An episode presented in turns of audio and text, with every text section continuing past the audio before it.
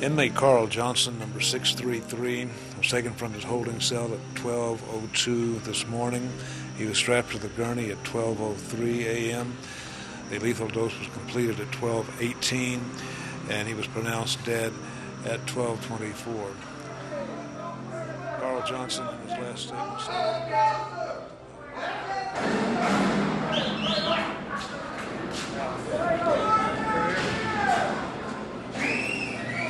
I about freedom, right? You know you have dreams and you know you're outside, right? And you know, you wake up in here, right? And I, I just done on me. I don't, I don't dream. I haven't been dreaming, right? A long time, you know. This place takes your dreams, I guess, right? I går drømte han for første gang, siden han kom på dødsgangen. Det var en underlig, flydende drøm. Ikke en, man bagefter kunne genfortælle. Det var bare, som om man var et andet sted. De der drømme, hvor man er udenfor, og så vågner man op inde i cellen. Drømmen kom aften før, at hans ven Carl Johnson blev henrettet nede i Walls Unit. Carl, som de fleste synes var underlig, og som ofte sad og snakkede med sig selv, eller en usynlig ven, han havde. I ni år har han ikke drømt. Det er de ni år, han har siddet på dødsgangen i Texas. Måske er det bare, fordi dette sted tager drømmene væk. My name is Thomas uh, Joe Miller. Uh, I've been on death row since March the 26, 1986. Uh, I was accused of uh, murder, Holiday Inn uh, desk clerk. Uh, I'm innocent. Uh, I'm just one of maybe about 400 other people that are here housed on Texas Death Row at this time. Thomas Joe Miller L. er fange nummer 834. Siden marts 86 har han siddet på dødsgangen i Ellis One-fængslet, dømt for røveri og drab. Sammen med ca. 400 andre fanger venter han på at blive ført til dødskammeret. På det sidste har den ene henrettelsesdato afløst den anden, men indtil nu har hans appeller fået dem udskudt i sidste øjeblik. Cellen er på 5 kvadratmeter. Tre grå vægge og en træmmevæg, der vender ud mod en gang, hvor vagterne går frem og tilbage. Foran træmmerne er der et tætvævet metalnet, der går fra gulv til loft. Gennem nettet kan Thomas se gangen og lyset fra vinduerne højt oppe. Og hvis han drejer hovedet, kan han se et af de fjernsyn, der hænger boltet fast til væggen. Han bruger meget tid på at læse i loven. Måske kan han finde et eller andet, der for alvor kan hjælpe hans sag. Men indtil nu og gennem de sidste ni år har han ikke rigtig fundet noget. Nogle gange tegner han. Små mænd, små kvinder, sommerfugle eller fugle, der flyver. Der er tilladt to timers besøg om ugen. Besøgsværelset er et aflangt rum med et stort glasbord i midten. Fangerne sidder bag det pansrede glas, og de besøgende kan tale med dem gennem et metalnet, der sidder midt i ruden. Den dag Carl Johnson skal henrettes, møder Thomas Miller ham i besøgsrummet. Ved et tilfælde er de blevet sat ved siden af hinanden. Karl besøger sin søster og en tante, som har fået ekstra besøgstid. Karl fortæller, at højesteret har nægtet at behandle en anmodning om udsættelse. Når man kommer til det punkt, ved man, at man skal henrettes. Karl ved bare ikke, hvad tid det vil blive. He had told me earlier that day when I was in a visiting room, I met his sister. He introduced me to his sister and his mother. And he told me that everybody had denied him except the Supreme Court. And when you get to that point, then you know what's going to happen. You're going to get executed. So um, i got with another guy that knew him, somewhat as close as I did, right? And we uh, said a prayer and uh, we uh, started talking about good things that we remember him from. Sammen med en anden fange beder han næste dag en bøn for Karl. Og de taler lidt om nogle af de ting, de husker Karl for. For eksempel, at han jo egentlig havde et godt hoved, for ellers kan man ikke opfinde mennesker til at holde en med selskab i cellen. Han var bare hele tiden meget tæt på kanten. På en måde stod Karl med et ben i sindssygen og et i normaliteten. Thomas Miller L. er dømt for væbnet røveri og overlagt drab på en hotelreceptionist. Røveriet skete en tidlig morgen i 1985 på Hotel Holiday Inn i Dallas. Efter røverne havde tømt hotellets pengeskab, skød de to hotelfolk. Den ene døde øjeblikkeligt, den anden blev for altid lam fra halsen og ned efter. Senere udpegede den overlevende hotelreceptionist Thomas Miller som den, der affyrede skuddene. Thomas Miller har hele tiden fastholdt, at han slet ikke var i Dallas den dag røveriet fandt sted. Og i retten prøvede hans forsvar at overbevise juryen om det mærkelige i, at hotelreceptionisten var blevet konfronteret tre gange med Thomas, inden han genkendte ham som røveren. Men juryen blev ikke overbevist. Han blev fundet skyldig og dømt til henrettelse. Før han kom til dødsgangen, levede han i storbyens kriminelle miljø. De nætter, han ikke har kunnet sove, har han nogle gange tænkt på, at grunden til, at han er endt her, dybest set er en anden. At det ikke var, fordi han en dag blev anklaget for et mor i byen Dallas, men på grund af det liv, han har levet. De ting, han har troet på. De ting, han har ville have. Og de ting, han har gjort. I cellen er der halvmørkt. Lovbøger og bøger om Amerikas historie står stablet op langs væggene. En kasse med skrivemaskinpapir står oven på toiletkummen. Der ligger et par t-shirts på gulvet og et par badesandaler af plastik. En briks står langs den ene væg og fylder cirka halvdelen af cellen.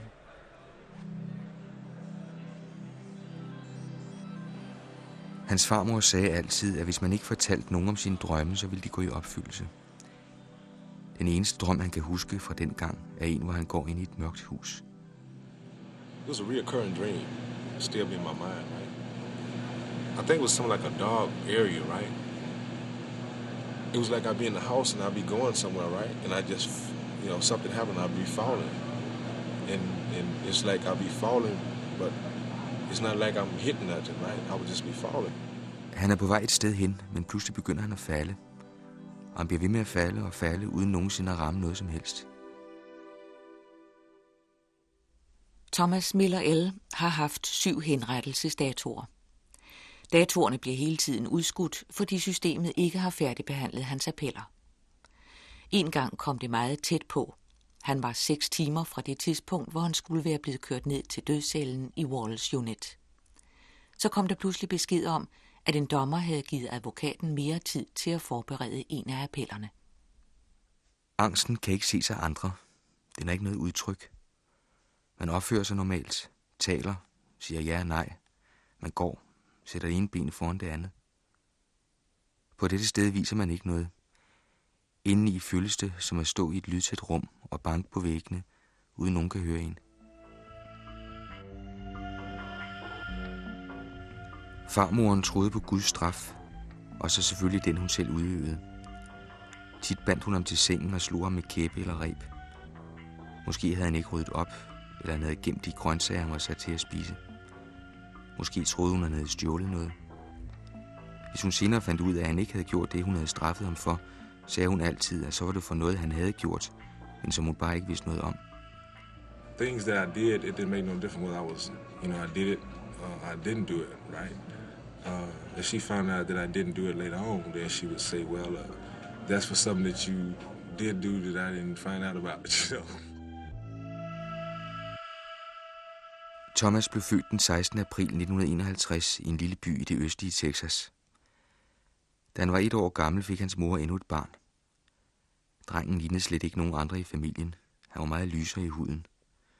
Og faren mente, at den nyfødte måtte være resultatet af, at moren havde været ham utro. Så han tog Thomas med sig til farmoren, der boede inde i Houston. Han voksede op alene med sin farmor. Efter at Thomas ankom til huset, blev hun nødt til at gå ud og tage arbejde for at kunne forsørge ham. Hun havde en hønsegård og en køkkenhave med bønner og tomater, og sammen stod de op klokken 5 for at luge og give hønsene mad. Bagefter tog hun på arbejde inde på hotellet, hvor hun red senge. Om aftenen gjorde hun rent eller reparerede noget i huset. Thomas Miller boede i det femte bydistrikt. Det blev også kaldt for The Bloody Fifth, fordi politiet ikke turde komme derind efter mørkets frembrud. Der var tit slagsmål og skyderier, og hvide mennesker kom kun, når de skulle aflæse gassen eller afhente en bil, som en eller anden ikke kunne betale for. Farmoren havde sin fattigdom. Der var aldrig penge nok, og Thomas arbejdede fra han var ni år gammel for at hjælpe med at skaffe penge til huset. Han gik med aviser eller vaskede biler. Eller han slog græs ude i de rige kvarterer. Hun blev altid glad, når han kom hjem og afleverede de par dollars, han havde tjent. I started working at real age. I think throwing papers and stuff when I was about eight, nine, ten years old, right? I worked at car washes and stuff like that. Cause like my living, with my grandmother, she didn't have a lot of money. She couldn't give me lots of things that you know I needed for school or lots of things that other kids want. So I used to to do a lot of work. I ghettoen var det kun 20'erne og de prostituerede, der havde nogen penge. De gik rundt i dyrt tøj, havde smykker og hurtige biler. Om lørdagen kørte de rundt i deres sportsvogne eller tog ind på en af de fine natklubber. Tit stod børnene uden for husene og så dem køre forbi. Mange var i klammeri med loven, stjal fra hinanden eller fra folk inde i de rige kvarterer. Der blev set meget op til dem, der kom afsted med det. Thomas Miller stjal tit sodavand og is. Bagefter ville børnene i kvarteret så samles bag et hus og drikke sodavandene. Hans farmor sagde, at tyveri var en synd. At han aldrig ville blive til noget. At han aldrig ville blive en mand. Hun sagde det tit, før hun slog. Han prøvede altid at løbe, at gemme sig, men hun fandt ham altid.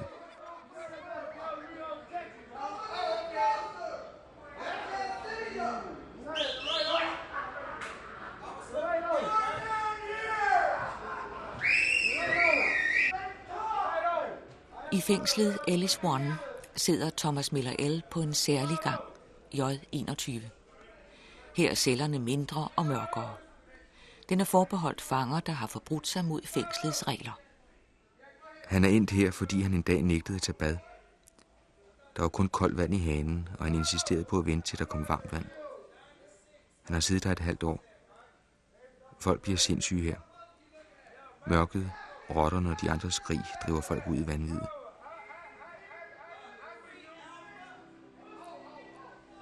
Farmoren sagde, at hvis man bad Gud om noget, hvis man virkelig bad, så ville man få det. Siden han var syv år, havde han bedt om en ny cykel. Men farmoren havde ikke penge til det, og han sparede sammen ved at arbejde ekstra. My grandmother used to tell me that if you want something, you pray and ask God for it, then you get it. Okay? So, ever since I was maybe, I say about seven, eight years old, I used to pray for a bicycle. And I want God to get me a bicycle. En fyr fra kvarteret kørte Thomas og hans kammerater ud til de hvide kvarterer, hvor de slog græs. Den dag var de i et rigt område med store huse og store biler. Der var et særligt stort hus med et højt stakit omkring. Bag stakittet kunne han se en swimmingpool, og i garagen stod en cykel. Thomas gik frem og tilbage foran huset, inden han gik ind og tog cyklen ud af garagen og satte sig op på den. Han vidste ikke, hvor han var, så det tog om fire timer at finde hjem. Hans farmor spurgte, hvor han havde fået cyklen fra. Thomas sagde, at han havde arbejdet for en hvid dame, der havde givet ham den. So I say that I was working for this this white lady, and after working for her, then she gave me a bicycle. Okay, and she said, "No, uh, yeah, you get a bicycle, right?" So she got my daddy. Farmoren troede ikke på den historie, så hun ringede efter faren, der kom i sin bil. Faren lagde cyklen ind i bagagerummet og sagde, at Thomas skulle tage ham hen til det sted, hvor han havde taget cyklen. De kørte og kørte uden at vide, hvor de var, og på et tidspunkt blev de nødt til at stoppe for at få mere benzin på. Faren spurgte, hvor meget længere væk det var, og til sidst vendte han bilen og sagde, at han havde brugt for meget benzin. We riding. He had to stop and get some more gas. he said, "How for much for?" So he say, "Yeah, we going on back." So he turned around. he was using too much gas. so he turned around. he took me back home, right? He said, "You got back home." My grandma said, "Did you find out where you got the bicycle from?" He said, "Yeah, I met the woman, and she said she gave him the bicycle." Da de kom hjem, spurgte farmoren, om de havde fundet stedet, og faren sagde, at han havde mødt damen, og hun havde sagt, at hun havde givet Thomas cyklen. Han drømte om at blive ambulancefører. så kunne man køre så stærkt man ville, uden at få noget med politiet. Det måtte være den største frihed i verden. Eller skraldemand. Det så ud til at være et job, man fik muskler af, fordi man hele tiden skulle hoppe op og ned for vognen for en skraldespanden. Og så tjente man jo også godt. En aften i ghettoen var Thomas ude sammen med sine kammerater. Da de så en af Alfonserne køre forbi i sin nye Cadillac, begyndte de alle sammen at snakke om, at det var sådan, man skulle være. Bortset fra en, der råbte, at Alfonsen slet ikke var rigtig rig og ikke var noget værd. Nej, man skulle være ligesom Jesus. Jesus havde fundet fidusen, været berømt i 2000 år, og alle bad til ham og gav ham gaver. Jesus kunne få alle de penge i verden, han ville have. Hele livet ville han have det, han ikke kunne få. Det, man så i reklamerne på fjernsynet eller hørte om i radioen. Han ville have det hele, bare for at finde ud af, hvordan det føltes. Problemet var bare, at han ikke havde nogen særlig uddannelse, og heller ikke de manier, der skulle til.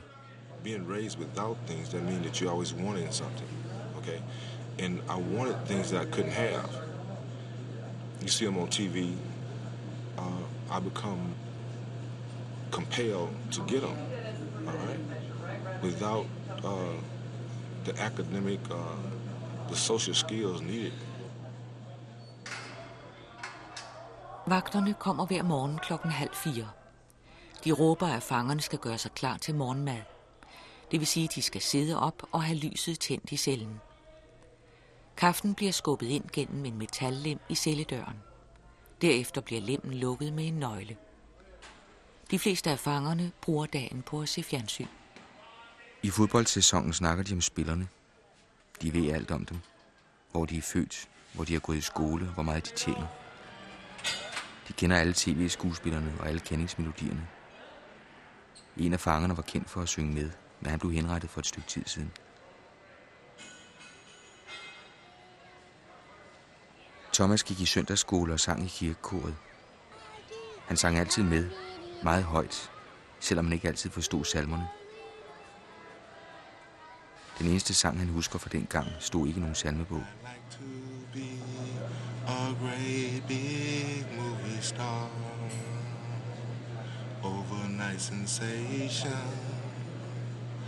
Drive a big expensive car. Farmoren mente, at religionen var det eneste håb for en dreng som ham. Gud var vejen til et bedre liv. Han bad mange bønder, men som regel blev de ikke hørt. Han bad om, at hans farmor ville holde op med at slå. I pray that my grandmother don't whoop me. Sometimes I pray to die. En gang imellem bad han om at dø. Han bad derhjemme sent om aftenen, ikke i kirken, hvor de andre børn ville opdage det. Han bad om at få en bedre far, måske nogle søskende. Ting, som børn formodentlig altid ønsker. En gang bad han Gud om at lade hans farmor dø. En forfærdelig ting at tænke på bagefter. I'll be praying for sisters and brothers. Uh, just stuff kids would, you know, probably just won't. Uh, I- I recall one time praying that my grandmother died, you know. That's an awful thing to say.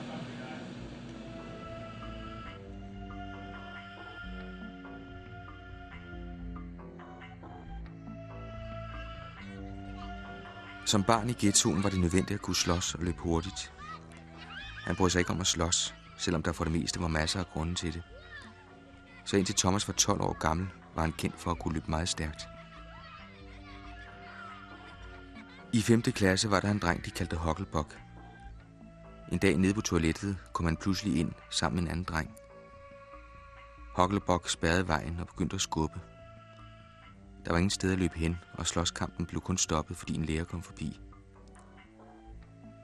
Efter den dag ville Hokkelbok slås. Han gik i klassen lige på den anden side af gangen, så hver dag i sidste time sad Thomas helt tæt på døren, så han kunne løbe, så snart det ringede ud. Der var en forretning seks blokke væk, og konen, der havde den, kendte Thomas og lod ham sidde inde i baglokalet, indtil de andre børn var gået hjem. And one day I run to the store and I grabbed the door, but the door wasn't open. It was locked. En dag løb Thomas som sædvanligt hen til forretningen, tog i døren, men det ville ikke åbne sig. Konen var der ikke, og butikken var låst. Måske havde hun glemt, at Thomas var afhængig af hende. Han rev og slid i håndtaget, samtidig med at Hokkelbok kom nærmere og nærmere. Og så lavede han ansigter, Sådan nogle, jeg skal give dig tæv ansigter, som Thomas farmor også nogle gange lavede. Det var nok derfor, at Thomas var så bange for ham.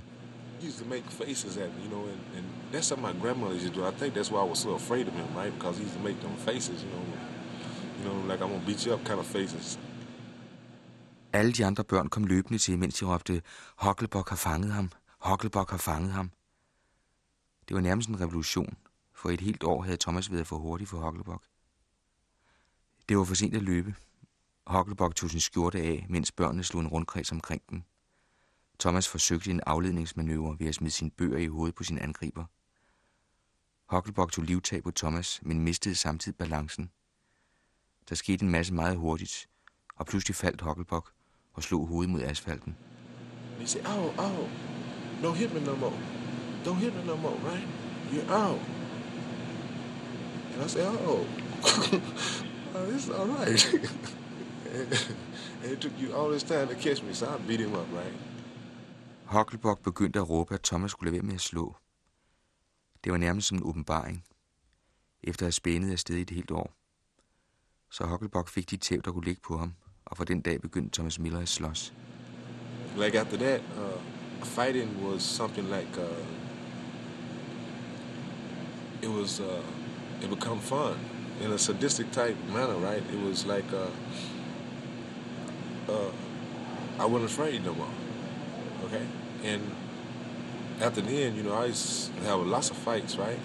And I can't remember actually losing one. Efter det var det sjovt at slås. Og der var næsten en sadistisk nydelse i det, fordi angsten var væk. Hans farmor holdt meget af kakibukser, men der var ingen andre i skolen, der gik med dem. Før var Thomas blevet drillet for det, men efter mødet med Hockelbok var der ingen, der turde nævne det med kakibukserne. Nu ville alle pludselig have ham med, når de gik nogen steder. Han var en slags forsikring. Hver gang han sloges, var der nogen, der ville have hævn, og resten af barndommen føltes som en stor slåskamp. Han kan ikke huske nogensinde at have tabt. Cellen i fløj J21 er lige præcis så stor, at Thomas Miller kan stå med begge arme udstrakt. Han kan tage et stort skridt og et lille fra den ene ende til den anden. Der er ikke plads til at gøre gymnastik, kun nogle yogaøvelser. Der er afsat tre timer hver dag, hvor fangerne kan gå ud fra deres celler, bortset fra i weekenden, hvor det kun er en halv time. Thomas Miller L. spiller som regel basketball. Han nyder spillet. Et perfekt angrebsspil får ham til at føle en vis harmoni. Han er god til det. Formodentlig den bedste basketballspiller på dødsgangen. I play basketball, and you know I make good shots and you know I make good passes. I play real well. Matter of fact, I'm one of the best, if not the best, here on Death Row.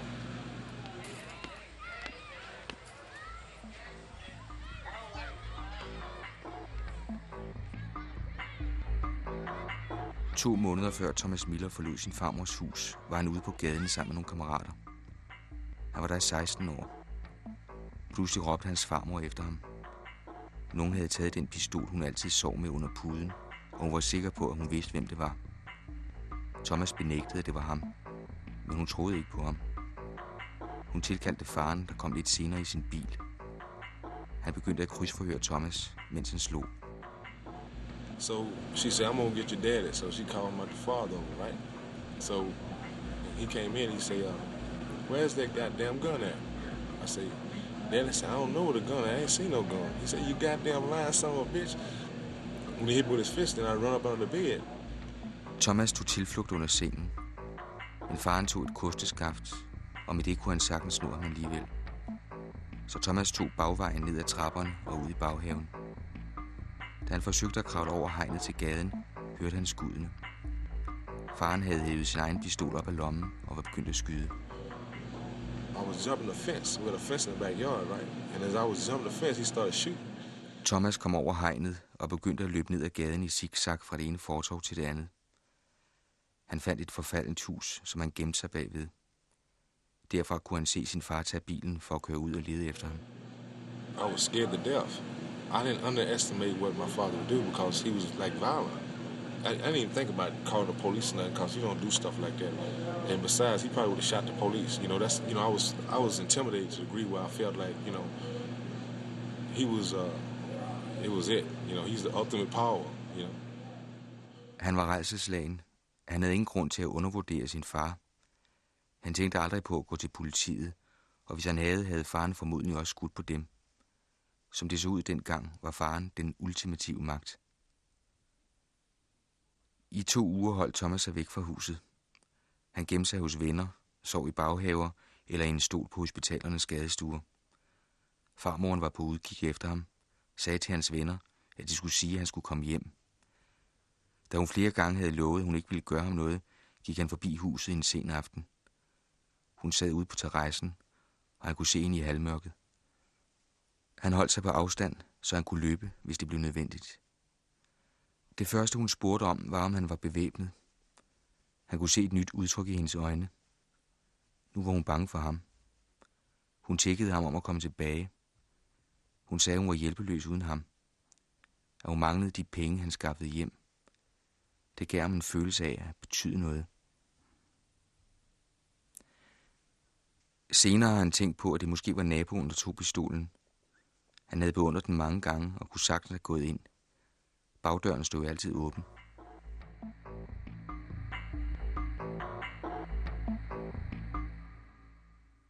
En af de aftener, hvor han sov i en stol på skadestuen, mødte han Lola. De mødtes derefter mange gange, og en dag foreslog han, at de flyttede sammen. Hun sagde ja. Thomas følte sig virkelig som en mand. Han var 16 år, og han var vel ikke anderledes end de andre 16-årige. Når man fik sin første seksuelle oplevelse, havde man virkelig opnået noget. Og især hvis man ikke skulle betale for det. Men fordi nogen elskede en eller kunne lide en. Han var meget stolt i de måneder. I feel like I was really a man then, you know. I was feeling good, you know. Most men, especially when they're young men, right, and for the first time that they have a sexual experience, it's like uh, this is the ultimate goal. You know, you accomplish something. You know, it's like wow, this is it. You know, and especially when you, you ain't got to pay for it, you ain't put no money up, and it's just because somebody love you or like you. Han fandt en lejlighed til ham og Lola. Den var mere moderne end husene i ghettoen. Der var rigtigt badeværelse og brusebad. Ingen i ghettoen havde brusebad. Hvorfor stjæler man et badeforhæng?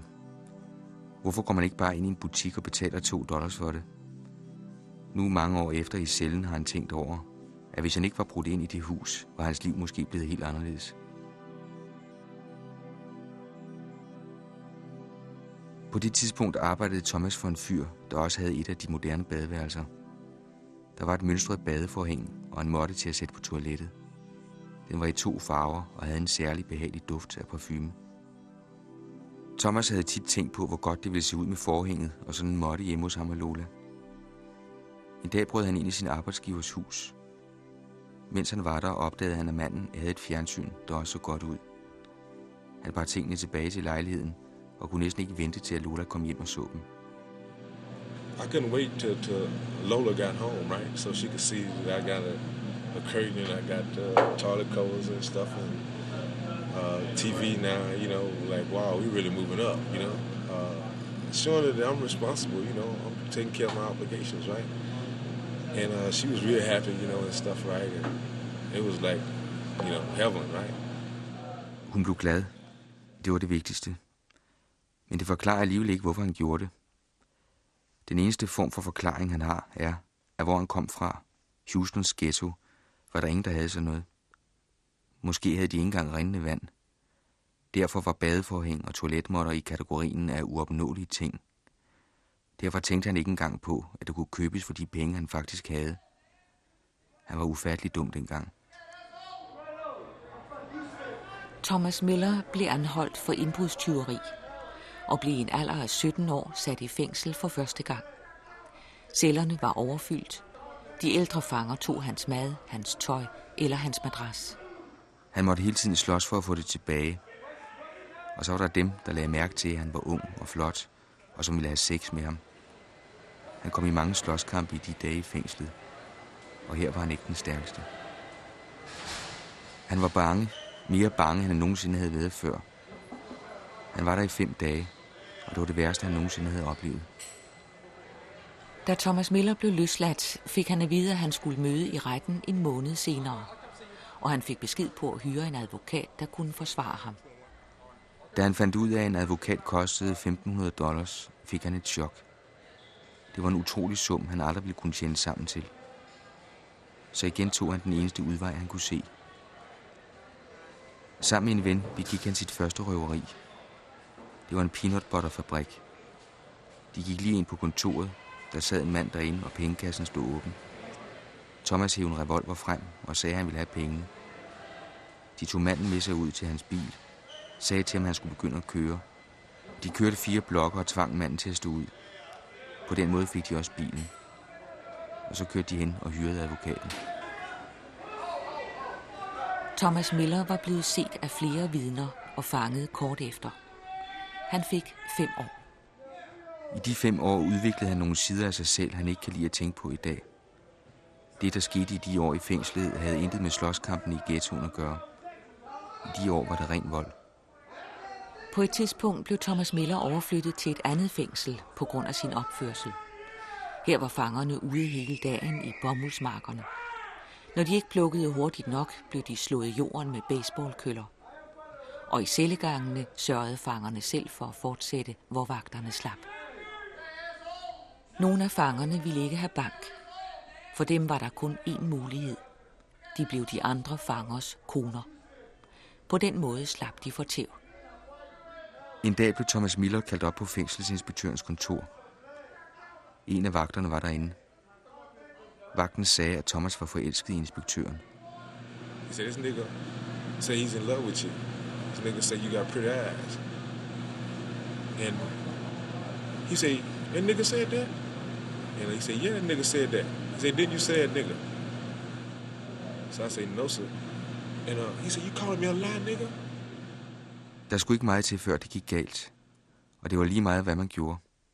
Sagde han, at han ikke havde sagt noget om fængselsinspektøren, var han en løgner. Sagde han det modsatte, var han en skide homoseksuel. Vagten endte med at sige, at de ville drukne ham i floden den næste dag. Det skete ikke, men hele natten lå han vågen, mens han spekulerede på, om de ville slå ham ihjel. Da Thomas Miller kom ud fra fængslet, var han 22. Et par år efter begik han et bankrøveri, der gav seks år. Bankrøveriet var for at skaffe penge til en vens lægeregninger. Da han kom ud anden gang, var han 31 år gammel, og han havde besluttet, at ligegyldigt hvad, så var det slut med at begå røverier.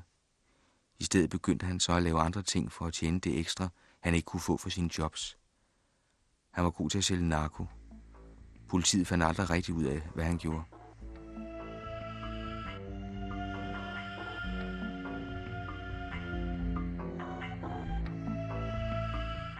Det er senere gået op for ham, at der er en ironisk parallel mellem årene i fængslet og de gange, hvor farmoren slog ham, og så senere fandt ud af, at han alligevel ikke havde gjort noget galt. Man bliver straffet for noget, man ikke har gjort. Men så er der andre ting, man har gjort. Den dag Thomas Miller L. blev taget af politiet for mordet i Dallas, arbejdede han for et transportfirma. Miller var i sin varevogn, da politiet kørte op på siden af ham. Det var mørkt, og de var klædt i sort. De kastede sig op på køleren og sigtede på ham med maskinpistoler. Han kunne ikke se, det var politiet, og forsøgte at flygte i den lille pakkebil. Da han hørte skuddene, løb han ud af bilen og zigzaggede ned ad vejen. Han blev ramt i ryggen. Det sidste, han husker, var, at en af politifolkene sagde, hvis nikkeren ikke er død, så skyd ham. When they started shooting, I jumped out the car and I ran. And uh, that's when they shot me in the back. Uh, one of the police said, uh, if the nigga ain't dead, kill him. Da dødsdommen blev læst op, troede han, de ville slå ham ihjel med det samme. For på det tidspunkt vidste han ikke noget om dødsstraf. Først senere fandt han ud af, at man kan appellere mange gange, og at vejen til dødskammeret derfor kan være meget lang. Foran rækken af celler er der metalriller i gulv og loft. Rillerne er der til at holde en stor gennemsigtig plastikplade. Når vagterne går ned langs cellerne, skubber de plastikpladen ved siden af sig, så de ikke kan blive ramt af noget inden fra cellerne. Fangerne smider med, hvad de kan finde. Madrester, barberblade, deres egen afføring.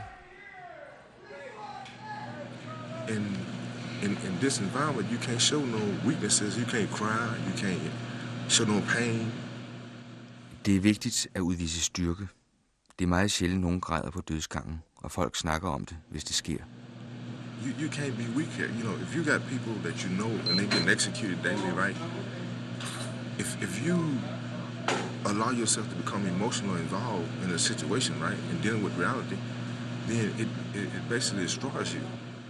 Det at græde betyder, at man har lavet noget komme for tæt på, og det kan være meget ødelæggende rent psykologisk. Så kan man ende som Karl.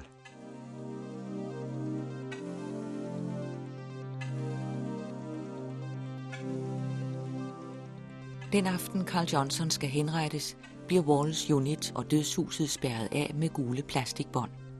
Det er for at holde nysgerrige væk. Inde i dødshuset er der et par vagter, fængselsinspektøren og så Karls tante. Hun er i sit stiveste pus, blå kjole med blonde krave. The solution started flowing at 12:13 to his right arm, at 12:06 a.m. into his left arm. Uh, he was given the chance for his last statement, which he gave at 12:16. The lethal dose actually began at 12:16 a.m. Bagefter bliver der givet rapport til journalisterne. Karls sidste ord. Carl Johnson, in his last statement, said, "I want the world to know that I'm innocent and that I found peace. Let's ride. I'm ready."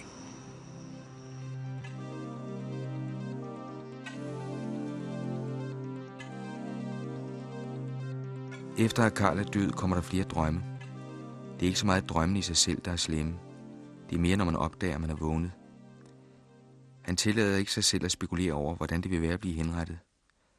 Tanker kan næsten være lige så farlige som følelser. Man må sætte en slags hængelås på sig selv. I stedet tænker han på, hvad han vil lave, hvis en dag kommer ud. Håbet er der, men nogle gange forsvinder det på samme måde som en skygge, der glider væk. Jo flere henrettelsesdatoer han har haft, desværre bliver det at holde fast i skyggen. Thomas Miller L. har haft syv henrettelsesdatoer. De sidste par gange har han nægtet at svare på spørgsmålene om, hvad tøj han vil henrettes i, og hvad han vil have til sit sidste måltid. Fængslet skal have den slags oplysninger på plads, for at proceduren kan overholdes. Natten før den sidste dato kom vagterne fem gange for at prøve at få et svar ud af ham.